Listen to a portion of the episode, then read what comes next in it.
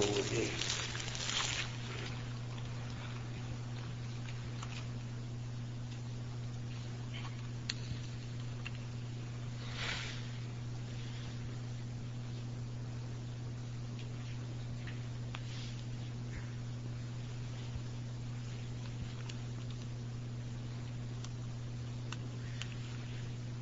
الله الرحمن الرحيم الحمد لله رب العالمين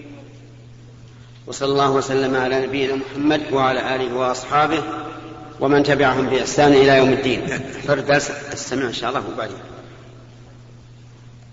أما بعد فهذا هو اللقاء التاسع عشر بعد المئة من لقاءات الباب المفتوح الذي يتم كل يوم خميس وهذا هو الخميس الرابع والعشرون من شهر شوال عام أربعة عشر وأربعمائة وألف عام ستة عشر وأربعمائة وألف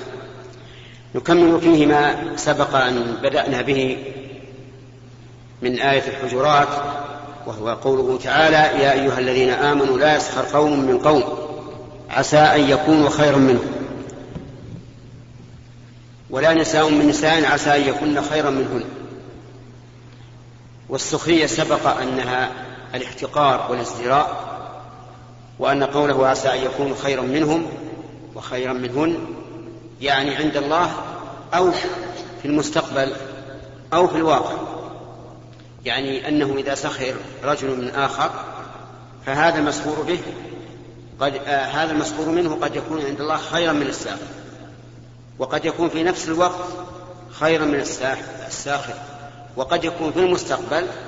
خيرا من الساخر ثم قال عز وجل ولا تلمزوا أنفسكم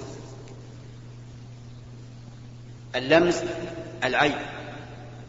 بأن تقول فلان بليد فلان طويل فلان قصير فلان أسود فلان أحمر وما أشبه ذلك مما يعد عيبا وقوله لا تلمزوا أنفسكم فسرت بمعنيين المعنى الأول لا يلمز بعضكم بعضا لأن كل واحد منا بمنزلة بمنزلة نفس الإنسان أخوك بمنزلة نفسك فإذا لمسته فكأنما لمست نفسك وقيل إن المعنى لا يلمز لا تلمز أخاك سك لا تلمز أخاك لأنك إذا لمسته لمسك فلمسك إياه سبب لكونه يلمزك وحينئذ تكون كأنك لمست نفسك وعليه قول النبي صلى الله عليه وسلم لعن الله من لعن والديه فقالوا يا رسول الله كيف يلعن الرجل والديه قال يسب أبا الرجل فيسب أباه ويسب أمه فيسبه على كل حال في الآية, في الآية تحريم عيب المؤمنين بعضهم بعضا فلا يجوز لك أن تعيب أخاك بصفة خلقية أو صفة خلقية أما الصفة الخلقية التي تعود إلى الخلقة فإن عيبك إياه في الحقيقة عيب لخالقه عز وجل من الذي خلق الإنسان؟ الله عز وجل من الذي جعله على هذا هذه الصفة؟ الله عز وجل هل الإنسان يمكن أن يكمل خلقته فيكون الطويل قصيرا أو القص... أو القصير طويلا أو القبيح جميلا أو الجميل قبيحا هذا لا يمكن فأنت إذا لمست الإنسان وعبته في خلقته فقد عبت الخالق في الواقع أليس كذلك؟ طيب ولهذا لو, لو وجدنا جدارا مبنيا مائلا وعبنا الجدار هل عيبنا للجدار أو لبان الجدار لبان الجدار إذا إذا عبت إنسانا في خلقته فكأنما عبت الخالق عز وجل فالمسألة خطيرة أما عيبه في الخلق بأن يكون هذا الرجل سريع الغضب شديد الانتقام بذيء اللسان فلا تعب لأنه ربما إذا عبته ابتلاك الله بنفس العيب ولهذا جاء في الأثر لا تظهر الشماتة بأخيك فيعافيه الله ويبتليك لكن إذا وجدت فيه سوء خلق فالواجب النصيحة أن تتصل به إن كان يمكنك الاتصال به وتبين له ما كان عليه من عيب أو أن تكتب له كتابا كتابا رسالة باسمك أو باسم ناصر مثلا ولا تنابزوا بالألقاب يعني لا ينبز بعضكم بعضا باللقب فتقول ما هو فتقول له مثلا يا فاسق يا فاجر يا كافر يا شارب الخمر يا سارق يا زاني لا لا تفعل هذا لأنك إذا في باللقب فإما أن يكون اللقب فيه وإما أن لا يكون فيه فإن, فإن كان فيه فقد ارتكبت هذا النهي وإن لم يكن فيه فقد بهته وارتكبت النهي أيضا ثم قال عز وجل بئس الاسم الفسوق بعد الإيمان يعني بئس لكم أن تنتقلوا من وصف الإيمان إلى وصف الفسوق متى إذا ارتكبتم ما نهى الله عنه صرتم فسقا فالإنسان إذا إذا ارتكب كبيرة واحدة من الكبائر صار فاسقا وإذا ارتكب صغيرة فإن كررها وأصر عليها صار فاسقا فلا تجعل نفسك بعد الإيمان وكمال الإيمان لا تجعل نفسك فاسقا هذا معنى قوله بئس الاسم الفسوق بعد الإيمان لأن هذه الجملة جملة إنشائية تفيد الذم تفيد الذم بالميم وما أفاد الذم فإنه منهي عنه بلا شك استفدنا من هذه الآية الكريمة تحريم السخرية وتحريم ايش لمس الغيب وتحريم التنابز بالالقاب وان من صنع ذلك فهو فاسق بعد ان كان مؤمنا والفسق ليس و... ليس وصفا على اللسان فقط يترتب عليه احكام فمثلا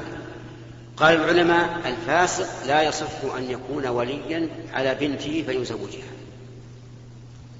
انتبه إنسان فاسق يريد أن يزوج ابنته لا يزوجها من يزوجها أخوها إذا كان لها أخ يصح أن يكون وليا عمه إن لم يكن لها أقارب أو خافوا من أبيها إن زوجوها يزوجها القاضي الفاسق لا تقبل شهادته لأن الله قال يا أيها الذين آمنوا إن جاءكم فاسق بنبأ فتبين يشهد عند القاضي بحق يقول القاضي لا نقبل لا نقبل لأنك فاسق الفاسق لا يصح أن يكون إماما بالناس في الصلاة الفاسق الذي يظهر فسقه لا يصح لا يصح أذانه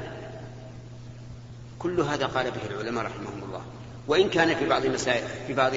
في بعض هذه المسائل خلاف لكني أقول لكم إن كلمة فاسق ليست بالأمر الحيّ حتى يقول الإنسان أنا مرسل بدل ما بدل ما يكون مؤمن يكون فاسق يكون فاسق هذا ليس بصحيح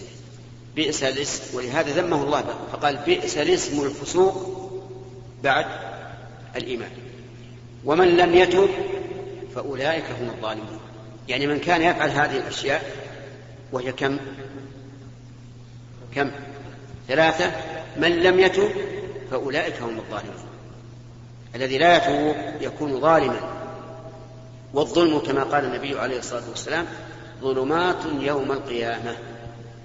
الظلم ظلمات يوم القيامه اذا كان المؤمنون يوم القيامه يسعى نورهم بين ايديهم وبايمانهم فهؤلاء الظلمه ليس لهم نور فيجب الحذر مما نهى الله عنه عز وجل لأنك أيها العبد عبد لله تأتمر بأمره وتنتهي عن نهيه وقوله من لم يتب إذا قال قائل ما معنى التوبة نقول التوبة الرجوع إلى الله من معصيته إلى طاعته فإذا كان شخص لا يصلي مع الجماعة فما توبته أن يصلي مع الجماعة إذا كان الشخص قد سرق مالا من النساء فما توبته أن يرد المال إلى صاحبه إذا كان الإنسان توبته أنه باع غشا يعني غش بالبيع فما توبته أن أن يترك الغش وأن يرد ما زاد بسبب الغش على صاحبه يعني مثلا لو زادت السلعة بسبب الغش فعليه أن يرد ما زاد بسبب الغش على المغشوش الرجل المغشوش فإن كان لا يعرفه فليتصدق به عنه يعني مثلا هذه السلعة بدون غش تساوي عشرة وبالغش تساوي 12 زاد كم زاد ريالين إذا إذا تاب من الغش يجب عليه أن يرد الريالين إلى الرجل المغشوش فإن لم يجده أو لم إن لم يعرفه فإنه يتصدق بذلك عنه التوبة تعريفها إيش الرجوع إلى الله من معصيته إلى طاعته ولها شروط توبة لها شروط يعني ليس كل من قال أنا تائب إلى الله يكون تائبا لا بد من شروط الشرط الأول أن يندم أن آه، نعم الشرط الأول أن يخلص لله في التوبة أن يخلص لله في التوبة يعني لا يحمل على التوبة أنه خاف من أبيه خاف من أخيه الأكبر خاف من السلطات آه، تاب لأجل أن يقال فلان مستقيم لا يجب أن يخلص لله يعني يكون الحامل له على التوبة طلب رضا الله عز وجل والوصول إلى كرامته والإخلاص شرط في كل عبادة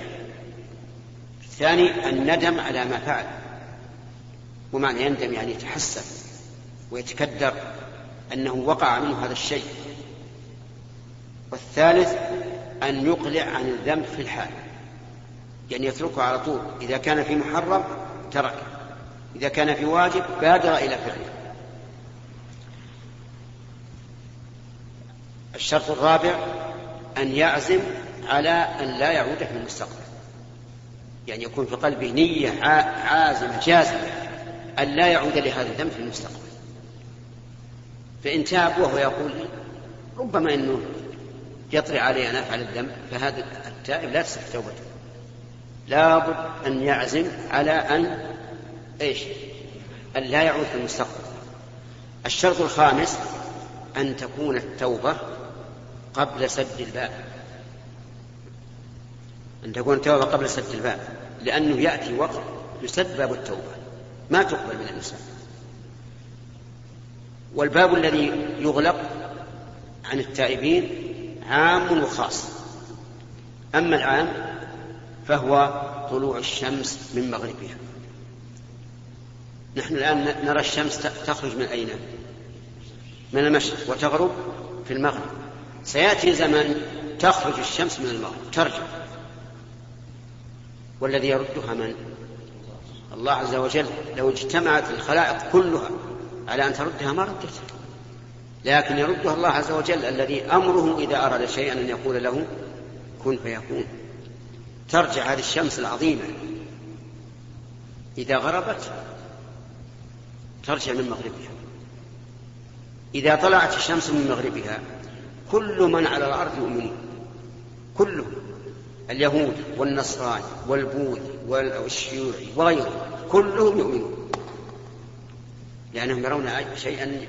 واضحا في الدلالة على الرب عز وجل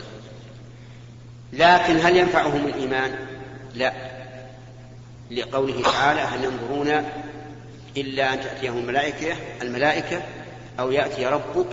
أو يأتي بعض آيات ربك يوم يأتي بعض آيات ربك لا ينفع نفسا إيمانها لم تكن لم تكن آمنت من قبل أو كسبت في إيمانها خيرا. فسر النبي صلى الله عليه وسلم قوله تعالى يوم يأتي بعض آيات ربك أنه خروج الشمس من مغربها. حينئذ لا تنفع التوبة. مع أن الناس كلهم يؤمنون لكن لا تنفع. لماذا؟ لأنه انسد الباب انتهى الباب إذا سد كيف يدخل الناس أما الخاص الباب الخاص فهو أن يحضر الإنسان أجله إذا حضر الإنسان الإنسان الأجل ما ينفع التوبة لقول الله تبارك وتعالى وليست التوبة للذين يعملون السيئات حتى إذا حضر أحدهم الموت قال إني تبت الآن ما ينفع سد الباب انتهى وإني أسألك هل أحد منا يعلم متى يموت أبدا ربما يموت الإنسان وهو على مكتبه وهو على فراشه وهو في صلاته في أي لحظة وإذا كنا نعلم هذا ونوقن به فالواجب أن نبادر بالتوبة لئلا يفشأنا الموت سد الباب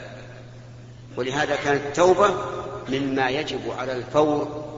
أن يتوب الإنسان من ذنبه يا إخواني الإنسان ما يدري متى يموت فالواجب أن نبادر بالتوبة إلى الله عز وجل هذه الآية يقول عز وجل وليست التوبة إيش للذين يعملون السيئات حتى إذا حضر أحدهم الموت قال إني تبت الآن هذا ما له التوبة هذا خبر من الله عز وجل أمر واقع يدل على هذا لما أغرق, لما أغرق الله فرعون وقومه ماذا قال فرعون حين أدركه الغرق قال آمنت أنه لا إله إلا الذي آمنت به بنو إسرائيل يعني الله عز وجل وأنا من المسلمين تاب الآن أليس كذلك؟ لكن متى؟ حين رأى الموت فقيل له آه الآن يعني الآن تتوب ليش ما تبت قبل؟ آن آن وقد عصيت قبل وكنت من المسلمين فلم تقبل توبته والعياذ بالله إذا شروط التوبة كم؟ خمسة الإخلاص لله عز وجل الندم على ما فعل الإقلاع عما كان عليه من الذنب في الحال العزم على أن لا يعود الخامس أن تكون التوبة قبل سد الأبواب خمسة شروط إذا قال قائل التوبة فيما بين العبد وبين ربه واضحة يفرح الله عز وجل بتوبة عبده فرح عظيم إذا تبت إلى ربك وأسأل الله أن يتوب علي وعليكم إذا تبت إلى ربك فإن الله يفرح بهذا فرحا عظيما فرحا لا يتصوره الإنسان قال النبي صلى الله عليه وسلم لله أشد فرحا بتوبة أحدكم أو قال بتوبة عبده من أحدكم براحلته الراحلة هي البعير كان عليها طعامه وشرابه فأضلها يعني ضاعت عنه فطلبها فلم يجدها فنام تحت شجرة ينتظر الموت ضعفت قواه وخارت قواه وانتهى اضطجع ينتظر الموت فبينما هو كذلك إذا بناقته متعلقا زمامها بالشجرة فأخذ بالزمام وقال اللهم أنت عبدي وأنا ربك يريد أن يقول اللهم أنت ربي وأنا عبدك لكنه أخطأ من شدة الفرح وهل تجدون فرحا أعظم من هذا عجيب يا جماعة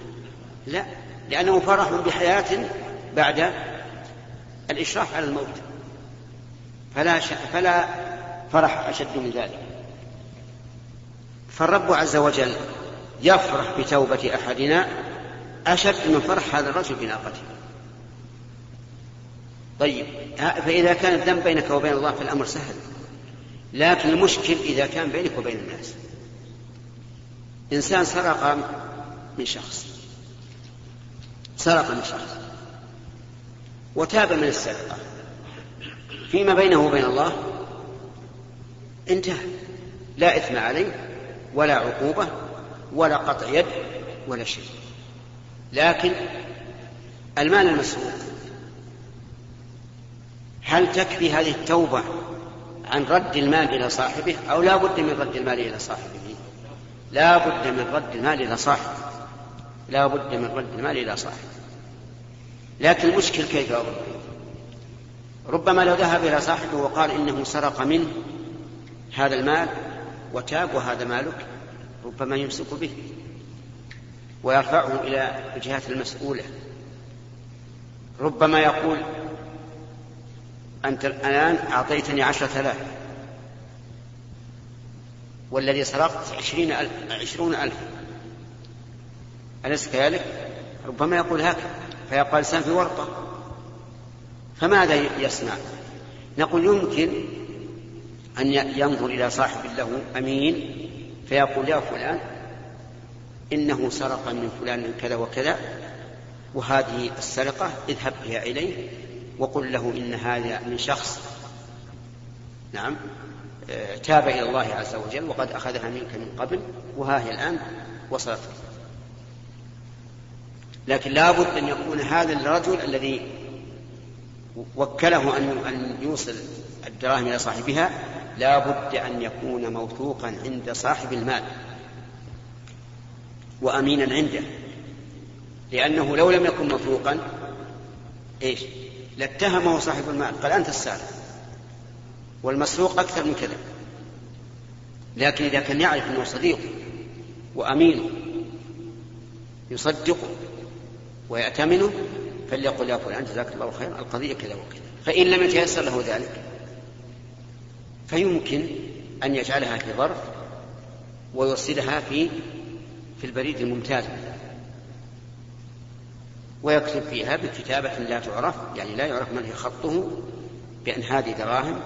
لك من شخص أخذها منك سابقا وقد تاب إلى الله وبس تبرأ ذمته المهم أنه لا بد من التوبة ولهذا قال عز وجل ومن لم يتب فأولئك هم الظالمون طيب فإن لم يعرف صاحبه مثلا إنسان سرق في حال صغره سرقة من شخص لا يدري من أو أو بعد تكليفه سرق من مال لا يدري من هو له فبماذا تتحقق التوبة أن يتصدق بهذا المال تخلصا منه ينويه لصاحبه لا ينويه لنفسه بل لصاحبه وبذلك يبرأ نسأل الله تعالى أن يرزقنا التوبة قبل غلق الأبواب وأن يعيننا وإياكم على ذكره وشكره وحسن عبادته الآن آه، نبدأ بالأسئلة تفضل اسأل هذا هذا عشان هذا أنا على سيارتي وبناتي الاثنتين معي نعم، عندي ورا السيارة ولا شفته ولا ذلك تعلق في السيارة وحد عمرها تقريب سبع سنوات ووحدها ثلاث سنوات أو فوق شيء آه، وأنا ما شفت روست لامتداد إلى الخط وسقطت الصغيرة ماتت إيه، مات بعض الله كان وش يصير عليه؟ في صغيرة عمرها أسأل الله أن يخلف عليك وأن يعظم أجرك وأجر والدتها وعليك أن تصوم شهرين متتابعين شهرين متتابعين شهرين متتابعين إلا إلا أن تجد رقبة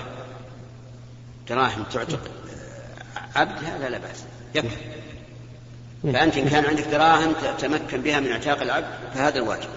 فإن لم يكن عندك فأنت فعليك أن تصوم شهرين متتابعين متتابعين عنها عن هذا عن هذا إيه جزاكم الله خير بس هذا يعني, يعني مو مثل هذه بارك الله فيك حط بالك للأمر إذا صار عندك صبيان تحر ما حارسين ولا كنا راح راح قضاء وقدر ما لكن في المستقبل إذا كان عندك صبيان فتحر تحري شديد ولكن لا بد من الصيام يعني ما هنا عشان. من الذي قتلها؟ رب العالمين حين و... لا رب العالمين يقتل كل أحد سبحانه وتعالى نعم. ويميت كل أحد يحيي ويميت لكن فلم تقتلوهم ولكن الله قتلهم لكن قصدي انه لو كانت عند سقوطها ماتت قلنا ما عليك شيء لأن هذا حصل بفعله ولا عليك شيء لكن أنت دعسته لا ما وطت السيارة ها لا ايش؟ جت فيها طقه او طقه او سياره ما طقتها يعني دعستها وطتها لا ما وطتها وش ما ادري هو طقها وصدام او مدري وش طقها انحرفنا ولا ما يمكن هي ترك مسكينه ما تعرف ولا قدت السياره بنفسها. يعني صار اذا ما تاكدت لا السياره ما وطتها ما تاكدت انك داعس لا ما وطتها اكيد انا متعين فيها زي. انا رودها اجل شوف اذا كان هذا من فعلها فلا عليك شيء. إيه. الداعس يعني وطيتها اكبرات إيه. لا ما وطتها إيه. لا اكبرات او مثلا انك لما رجعت الوسط ضربتها. انا اقول ما هذه ما معي لكن ما لقينا فيها ضربه، لقينا فيها الظاهر لقيت تركض وصدمت هي السياره ضعيفه صغيره ما تقدر تفهم في خشمها بس. هي إيه، صارت صايره في خشمها بس من عند الخشم خير واسكت أجل هذه ما عليك شيء لكن مع ذلك أنا أصيب بالاحتراس لا بس إن هذا مثل مثل تقول وطيها الكفارات لأن تكفرناها ودنا المستشفى ودوناها منا ما ما لقينا لا وطاها شيء ولا شيء خلاص المهم الآن هي اللي صار ما عليك شيء الآن ما عليك شيء لكن بارك الله فيك انتبه للمستقبل جزاك الله خير إذا كان عندك, إن... إذا كان عندك صبيان عيالك أو عيال غيرك لا تحرك لين تخلي واحد كبير يفطن لكن هذا مثل يعني ما يعني ما يصير عليه شيء الا كان يعطيها الكبر يعطيها الكبر او او انه يوم انك حركت السياره طخيتها هذه ما اشوف انا ما شفت اللي وراء لكن انا ما شفت هذه ما دام ما دام في شك من الامر ما عليك شيء ايش لا في شك من الامر ما عليك جزاك الله خير بسم الله الرحمن الرحيم إيه. فضيلة الشيخ صحيح؟ أنا آه، نعم. لا أجل لا يلا يا جماعة لا يروح عليكم وقت السلام عليكم فيه سؤال يا شيخ بالنسبة للصوامع عندنا نعم. أوراق محددة في آه، عشرين شهر وستة شهور فلما نجي للبنك ياخذ منها نسبة بسيطة ثلاثة أو أربعة بالمئة نعم بينما أنها تعتبر نقص من المال وأنا اطلعت على فتوى من فضيلتكم بأنها يعتبر ربا وما معنى كذا فهذه ناقصة من صاحب المال المبلغ حقي ناقص أنا ما في زيادة فالبنك طبيعي أنه ربا لأنه أخذ دراهم دراهم ولكن أنا بعت شهادة مقدرة بمبلغ كذا في معدل ثلاثة ريال ما شابه ذلك فمالي أنا نقص لا زيادة فيه لأن خصم منه مبلغ ثلاثة ريال يعني أنت اللي أعطيته هذا هذا شو اسمه؟ اللي أخذ البنك البنك ايوه وأنت أعطيته خصم عليه من موجب الشهر إيه كذا ولا لا؟ أي نعم طيب. ثبت عن النبي عليه الصلاة والسلام أنه لعن آكل الربا وموكل الربا وكاتبيه وشاهده هذه المسألة بارك الله فيك إن خصم البنك دراهم في حرام وربا ما في إشكال نعم. ولا خلاف فيها وإن كا وإن أعطاك آه، سيارات أو أراضي أو شيء غير إيه، نعم. غير دراهم إيه، نعم. فهذه إن احتجت فلا بأس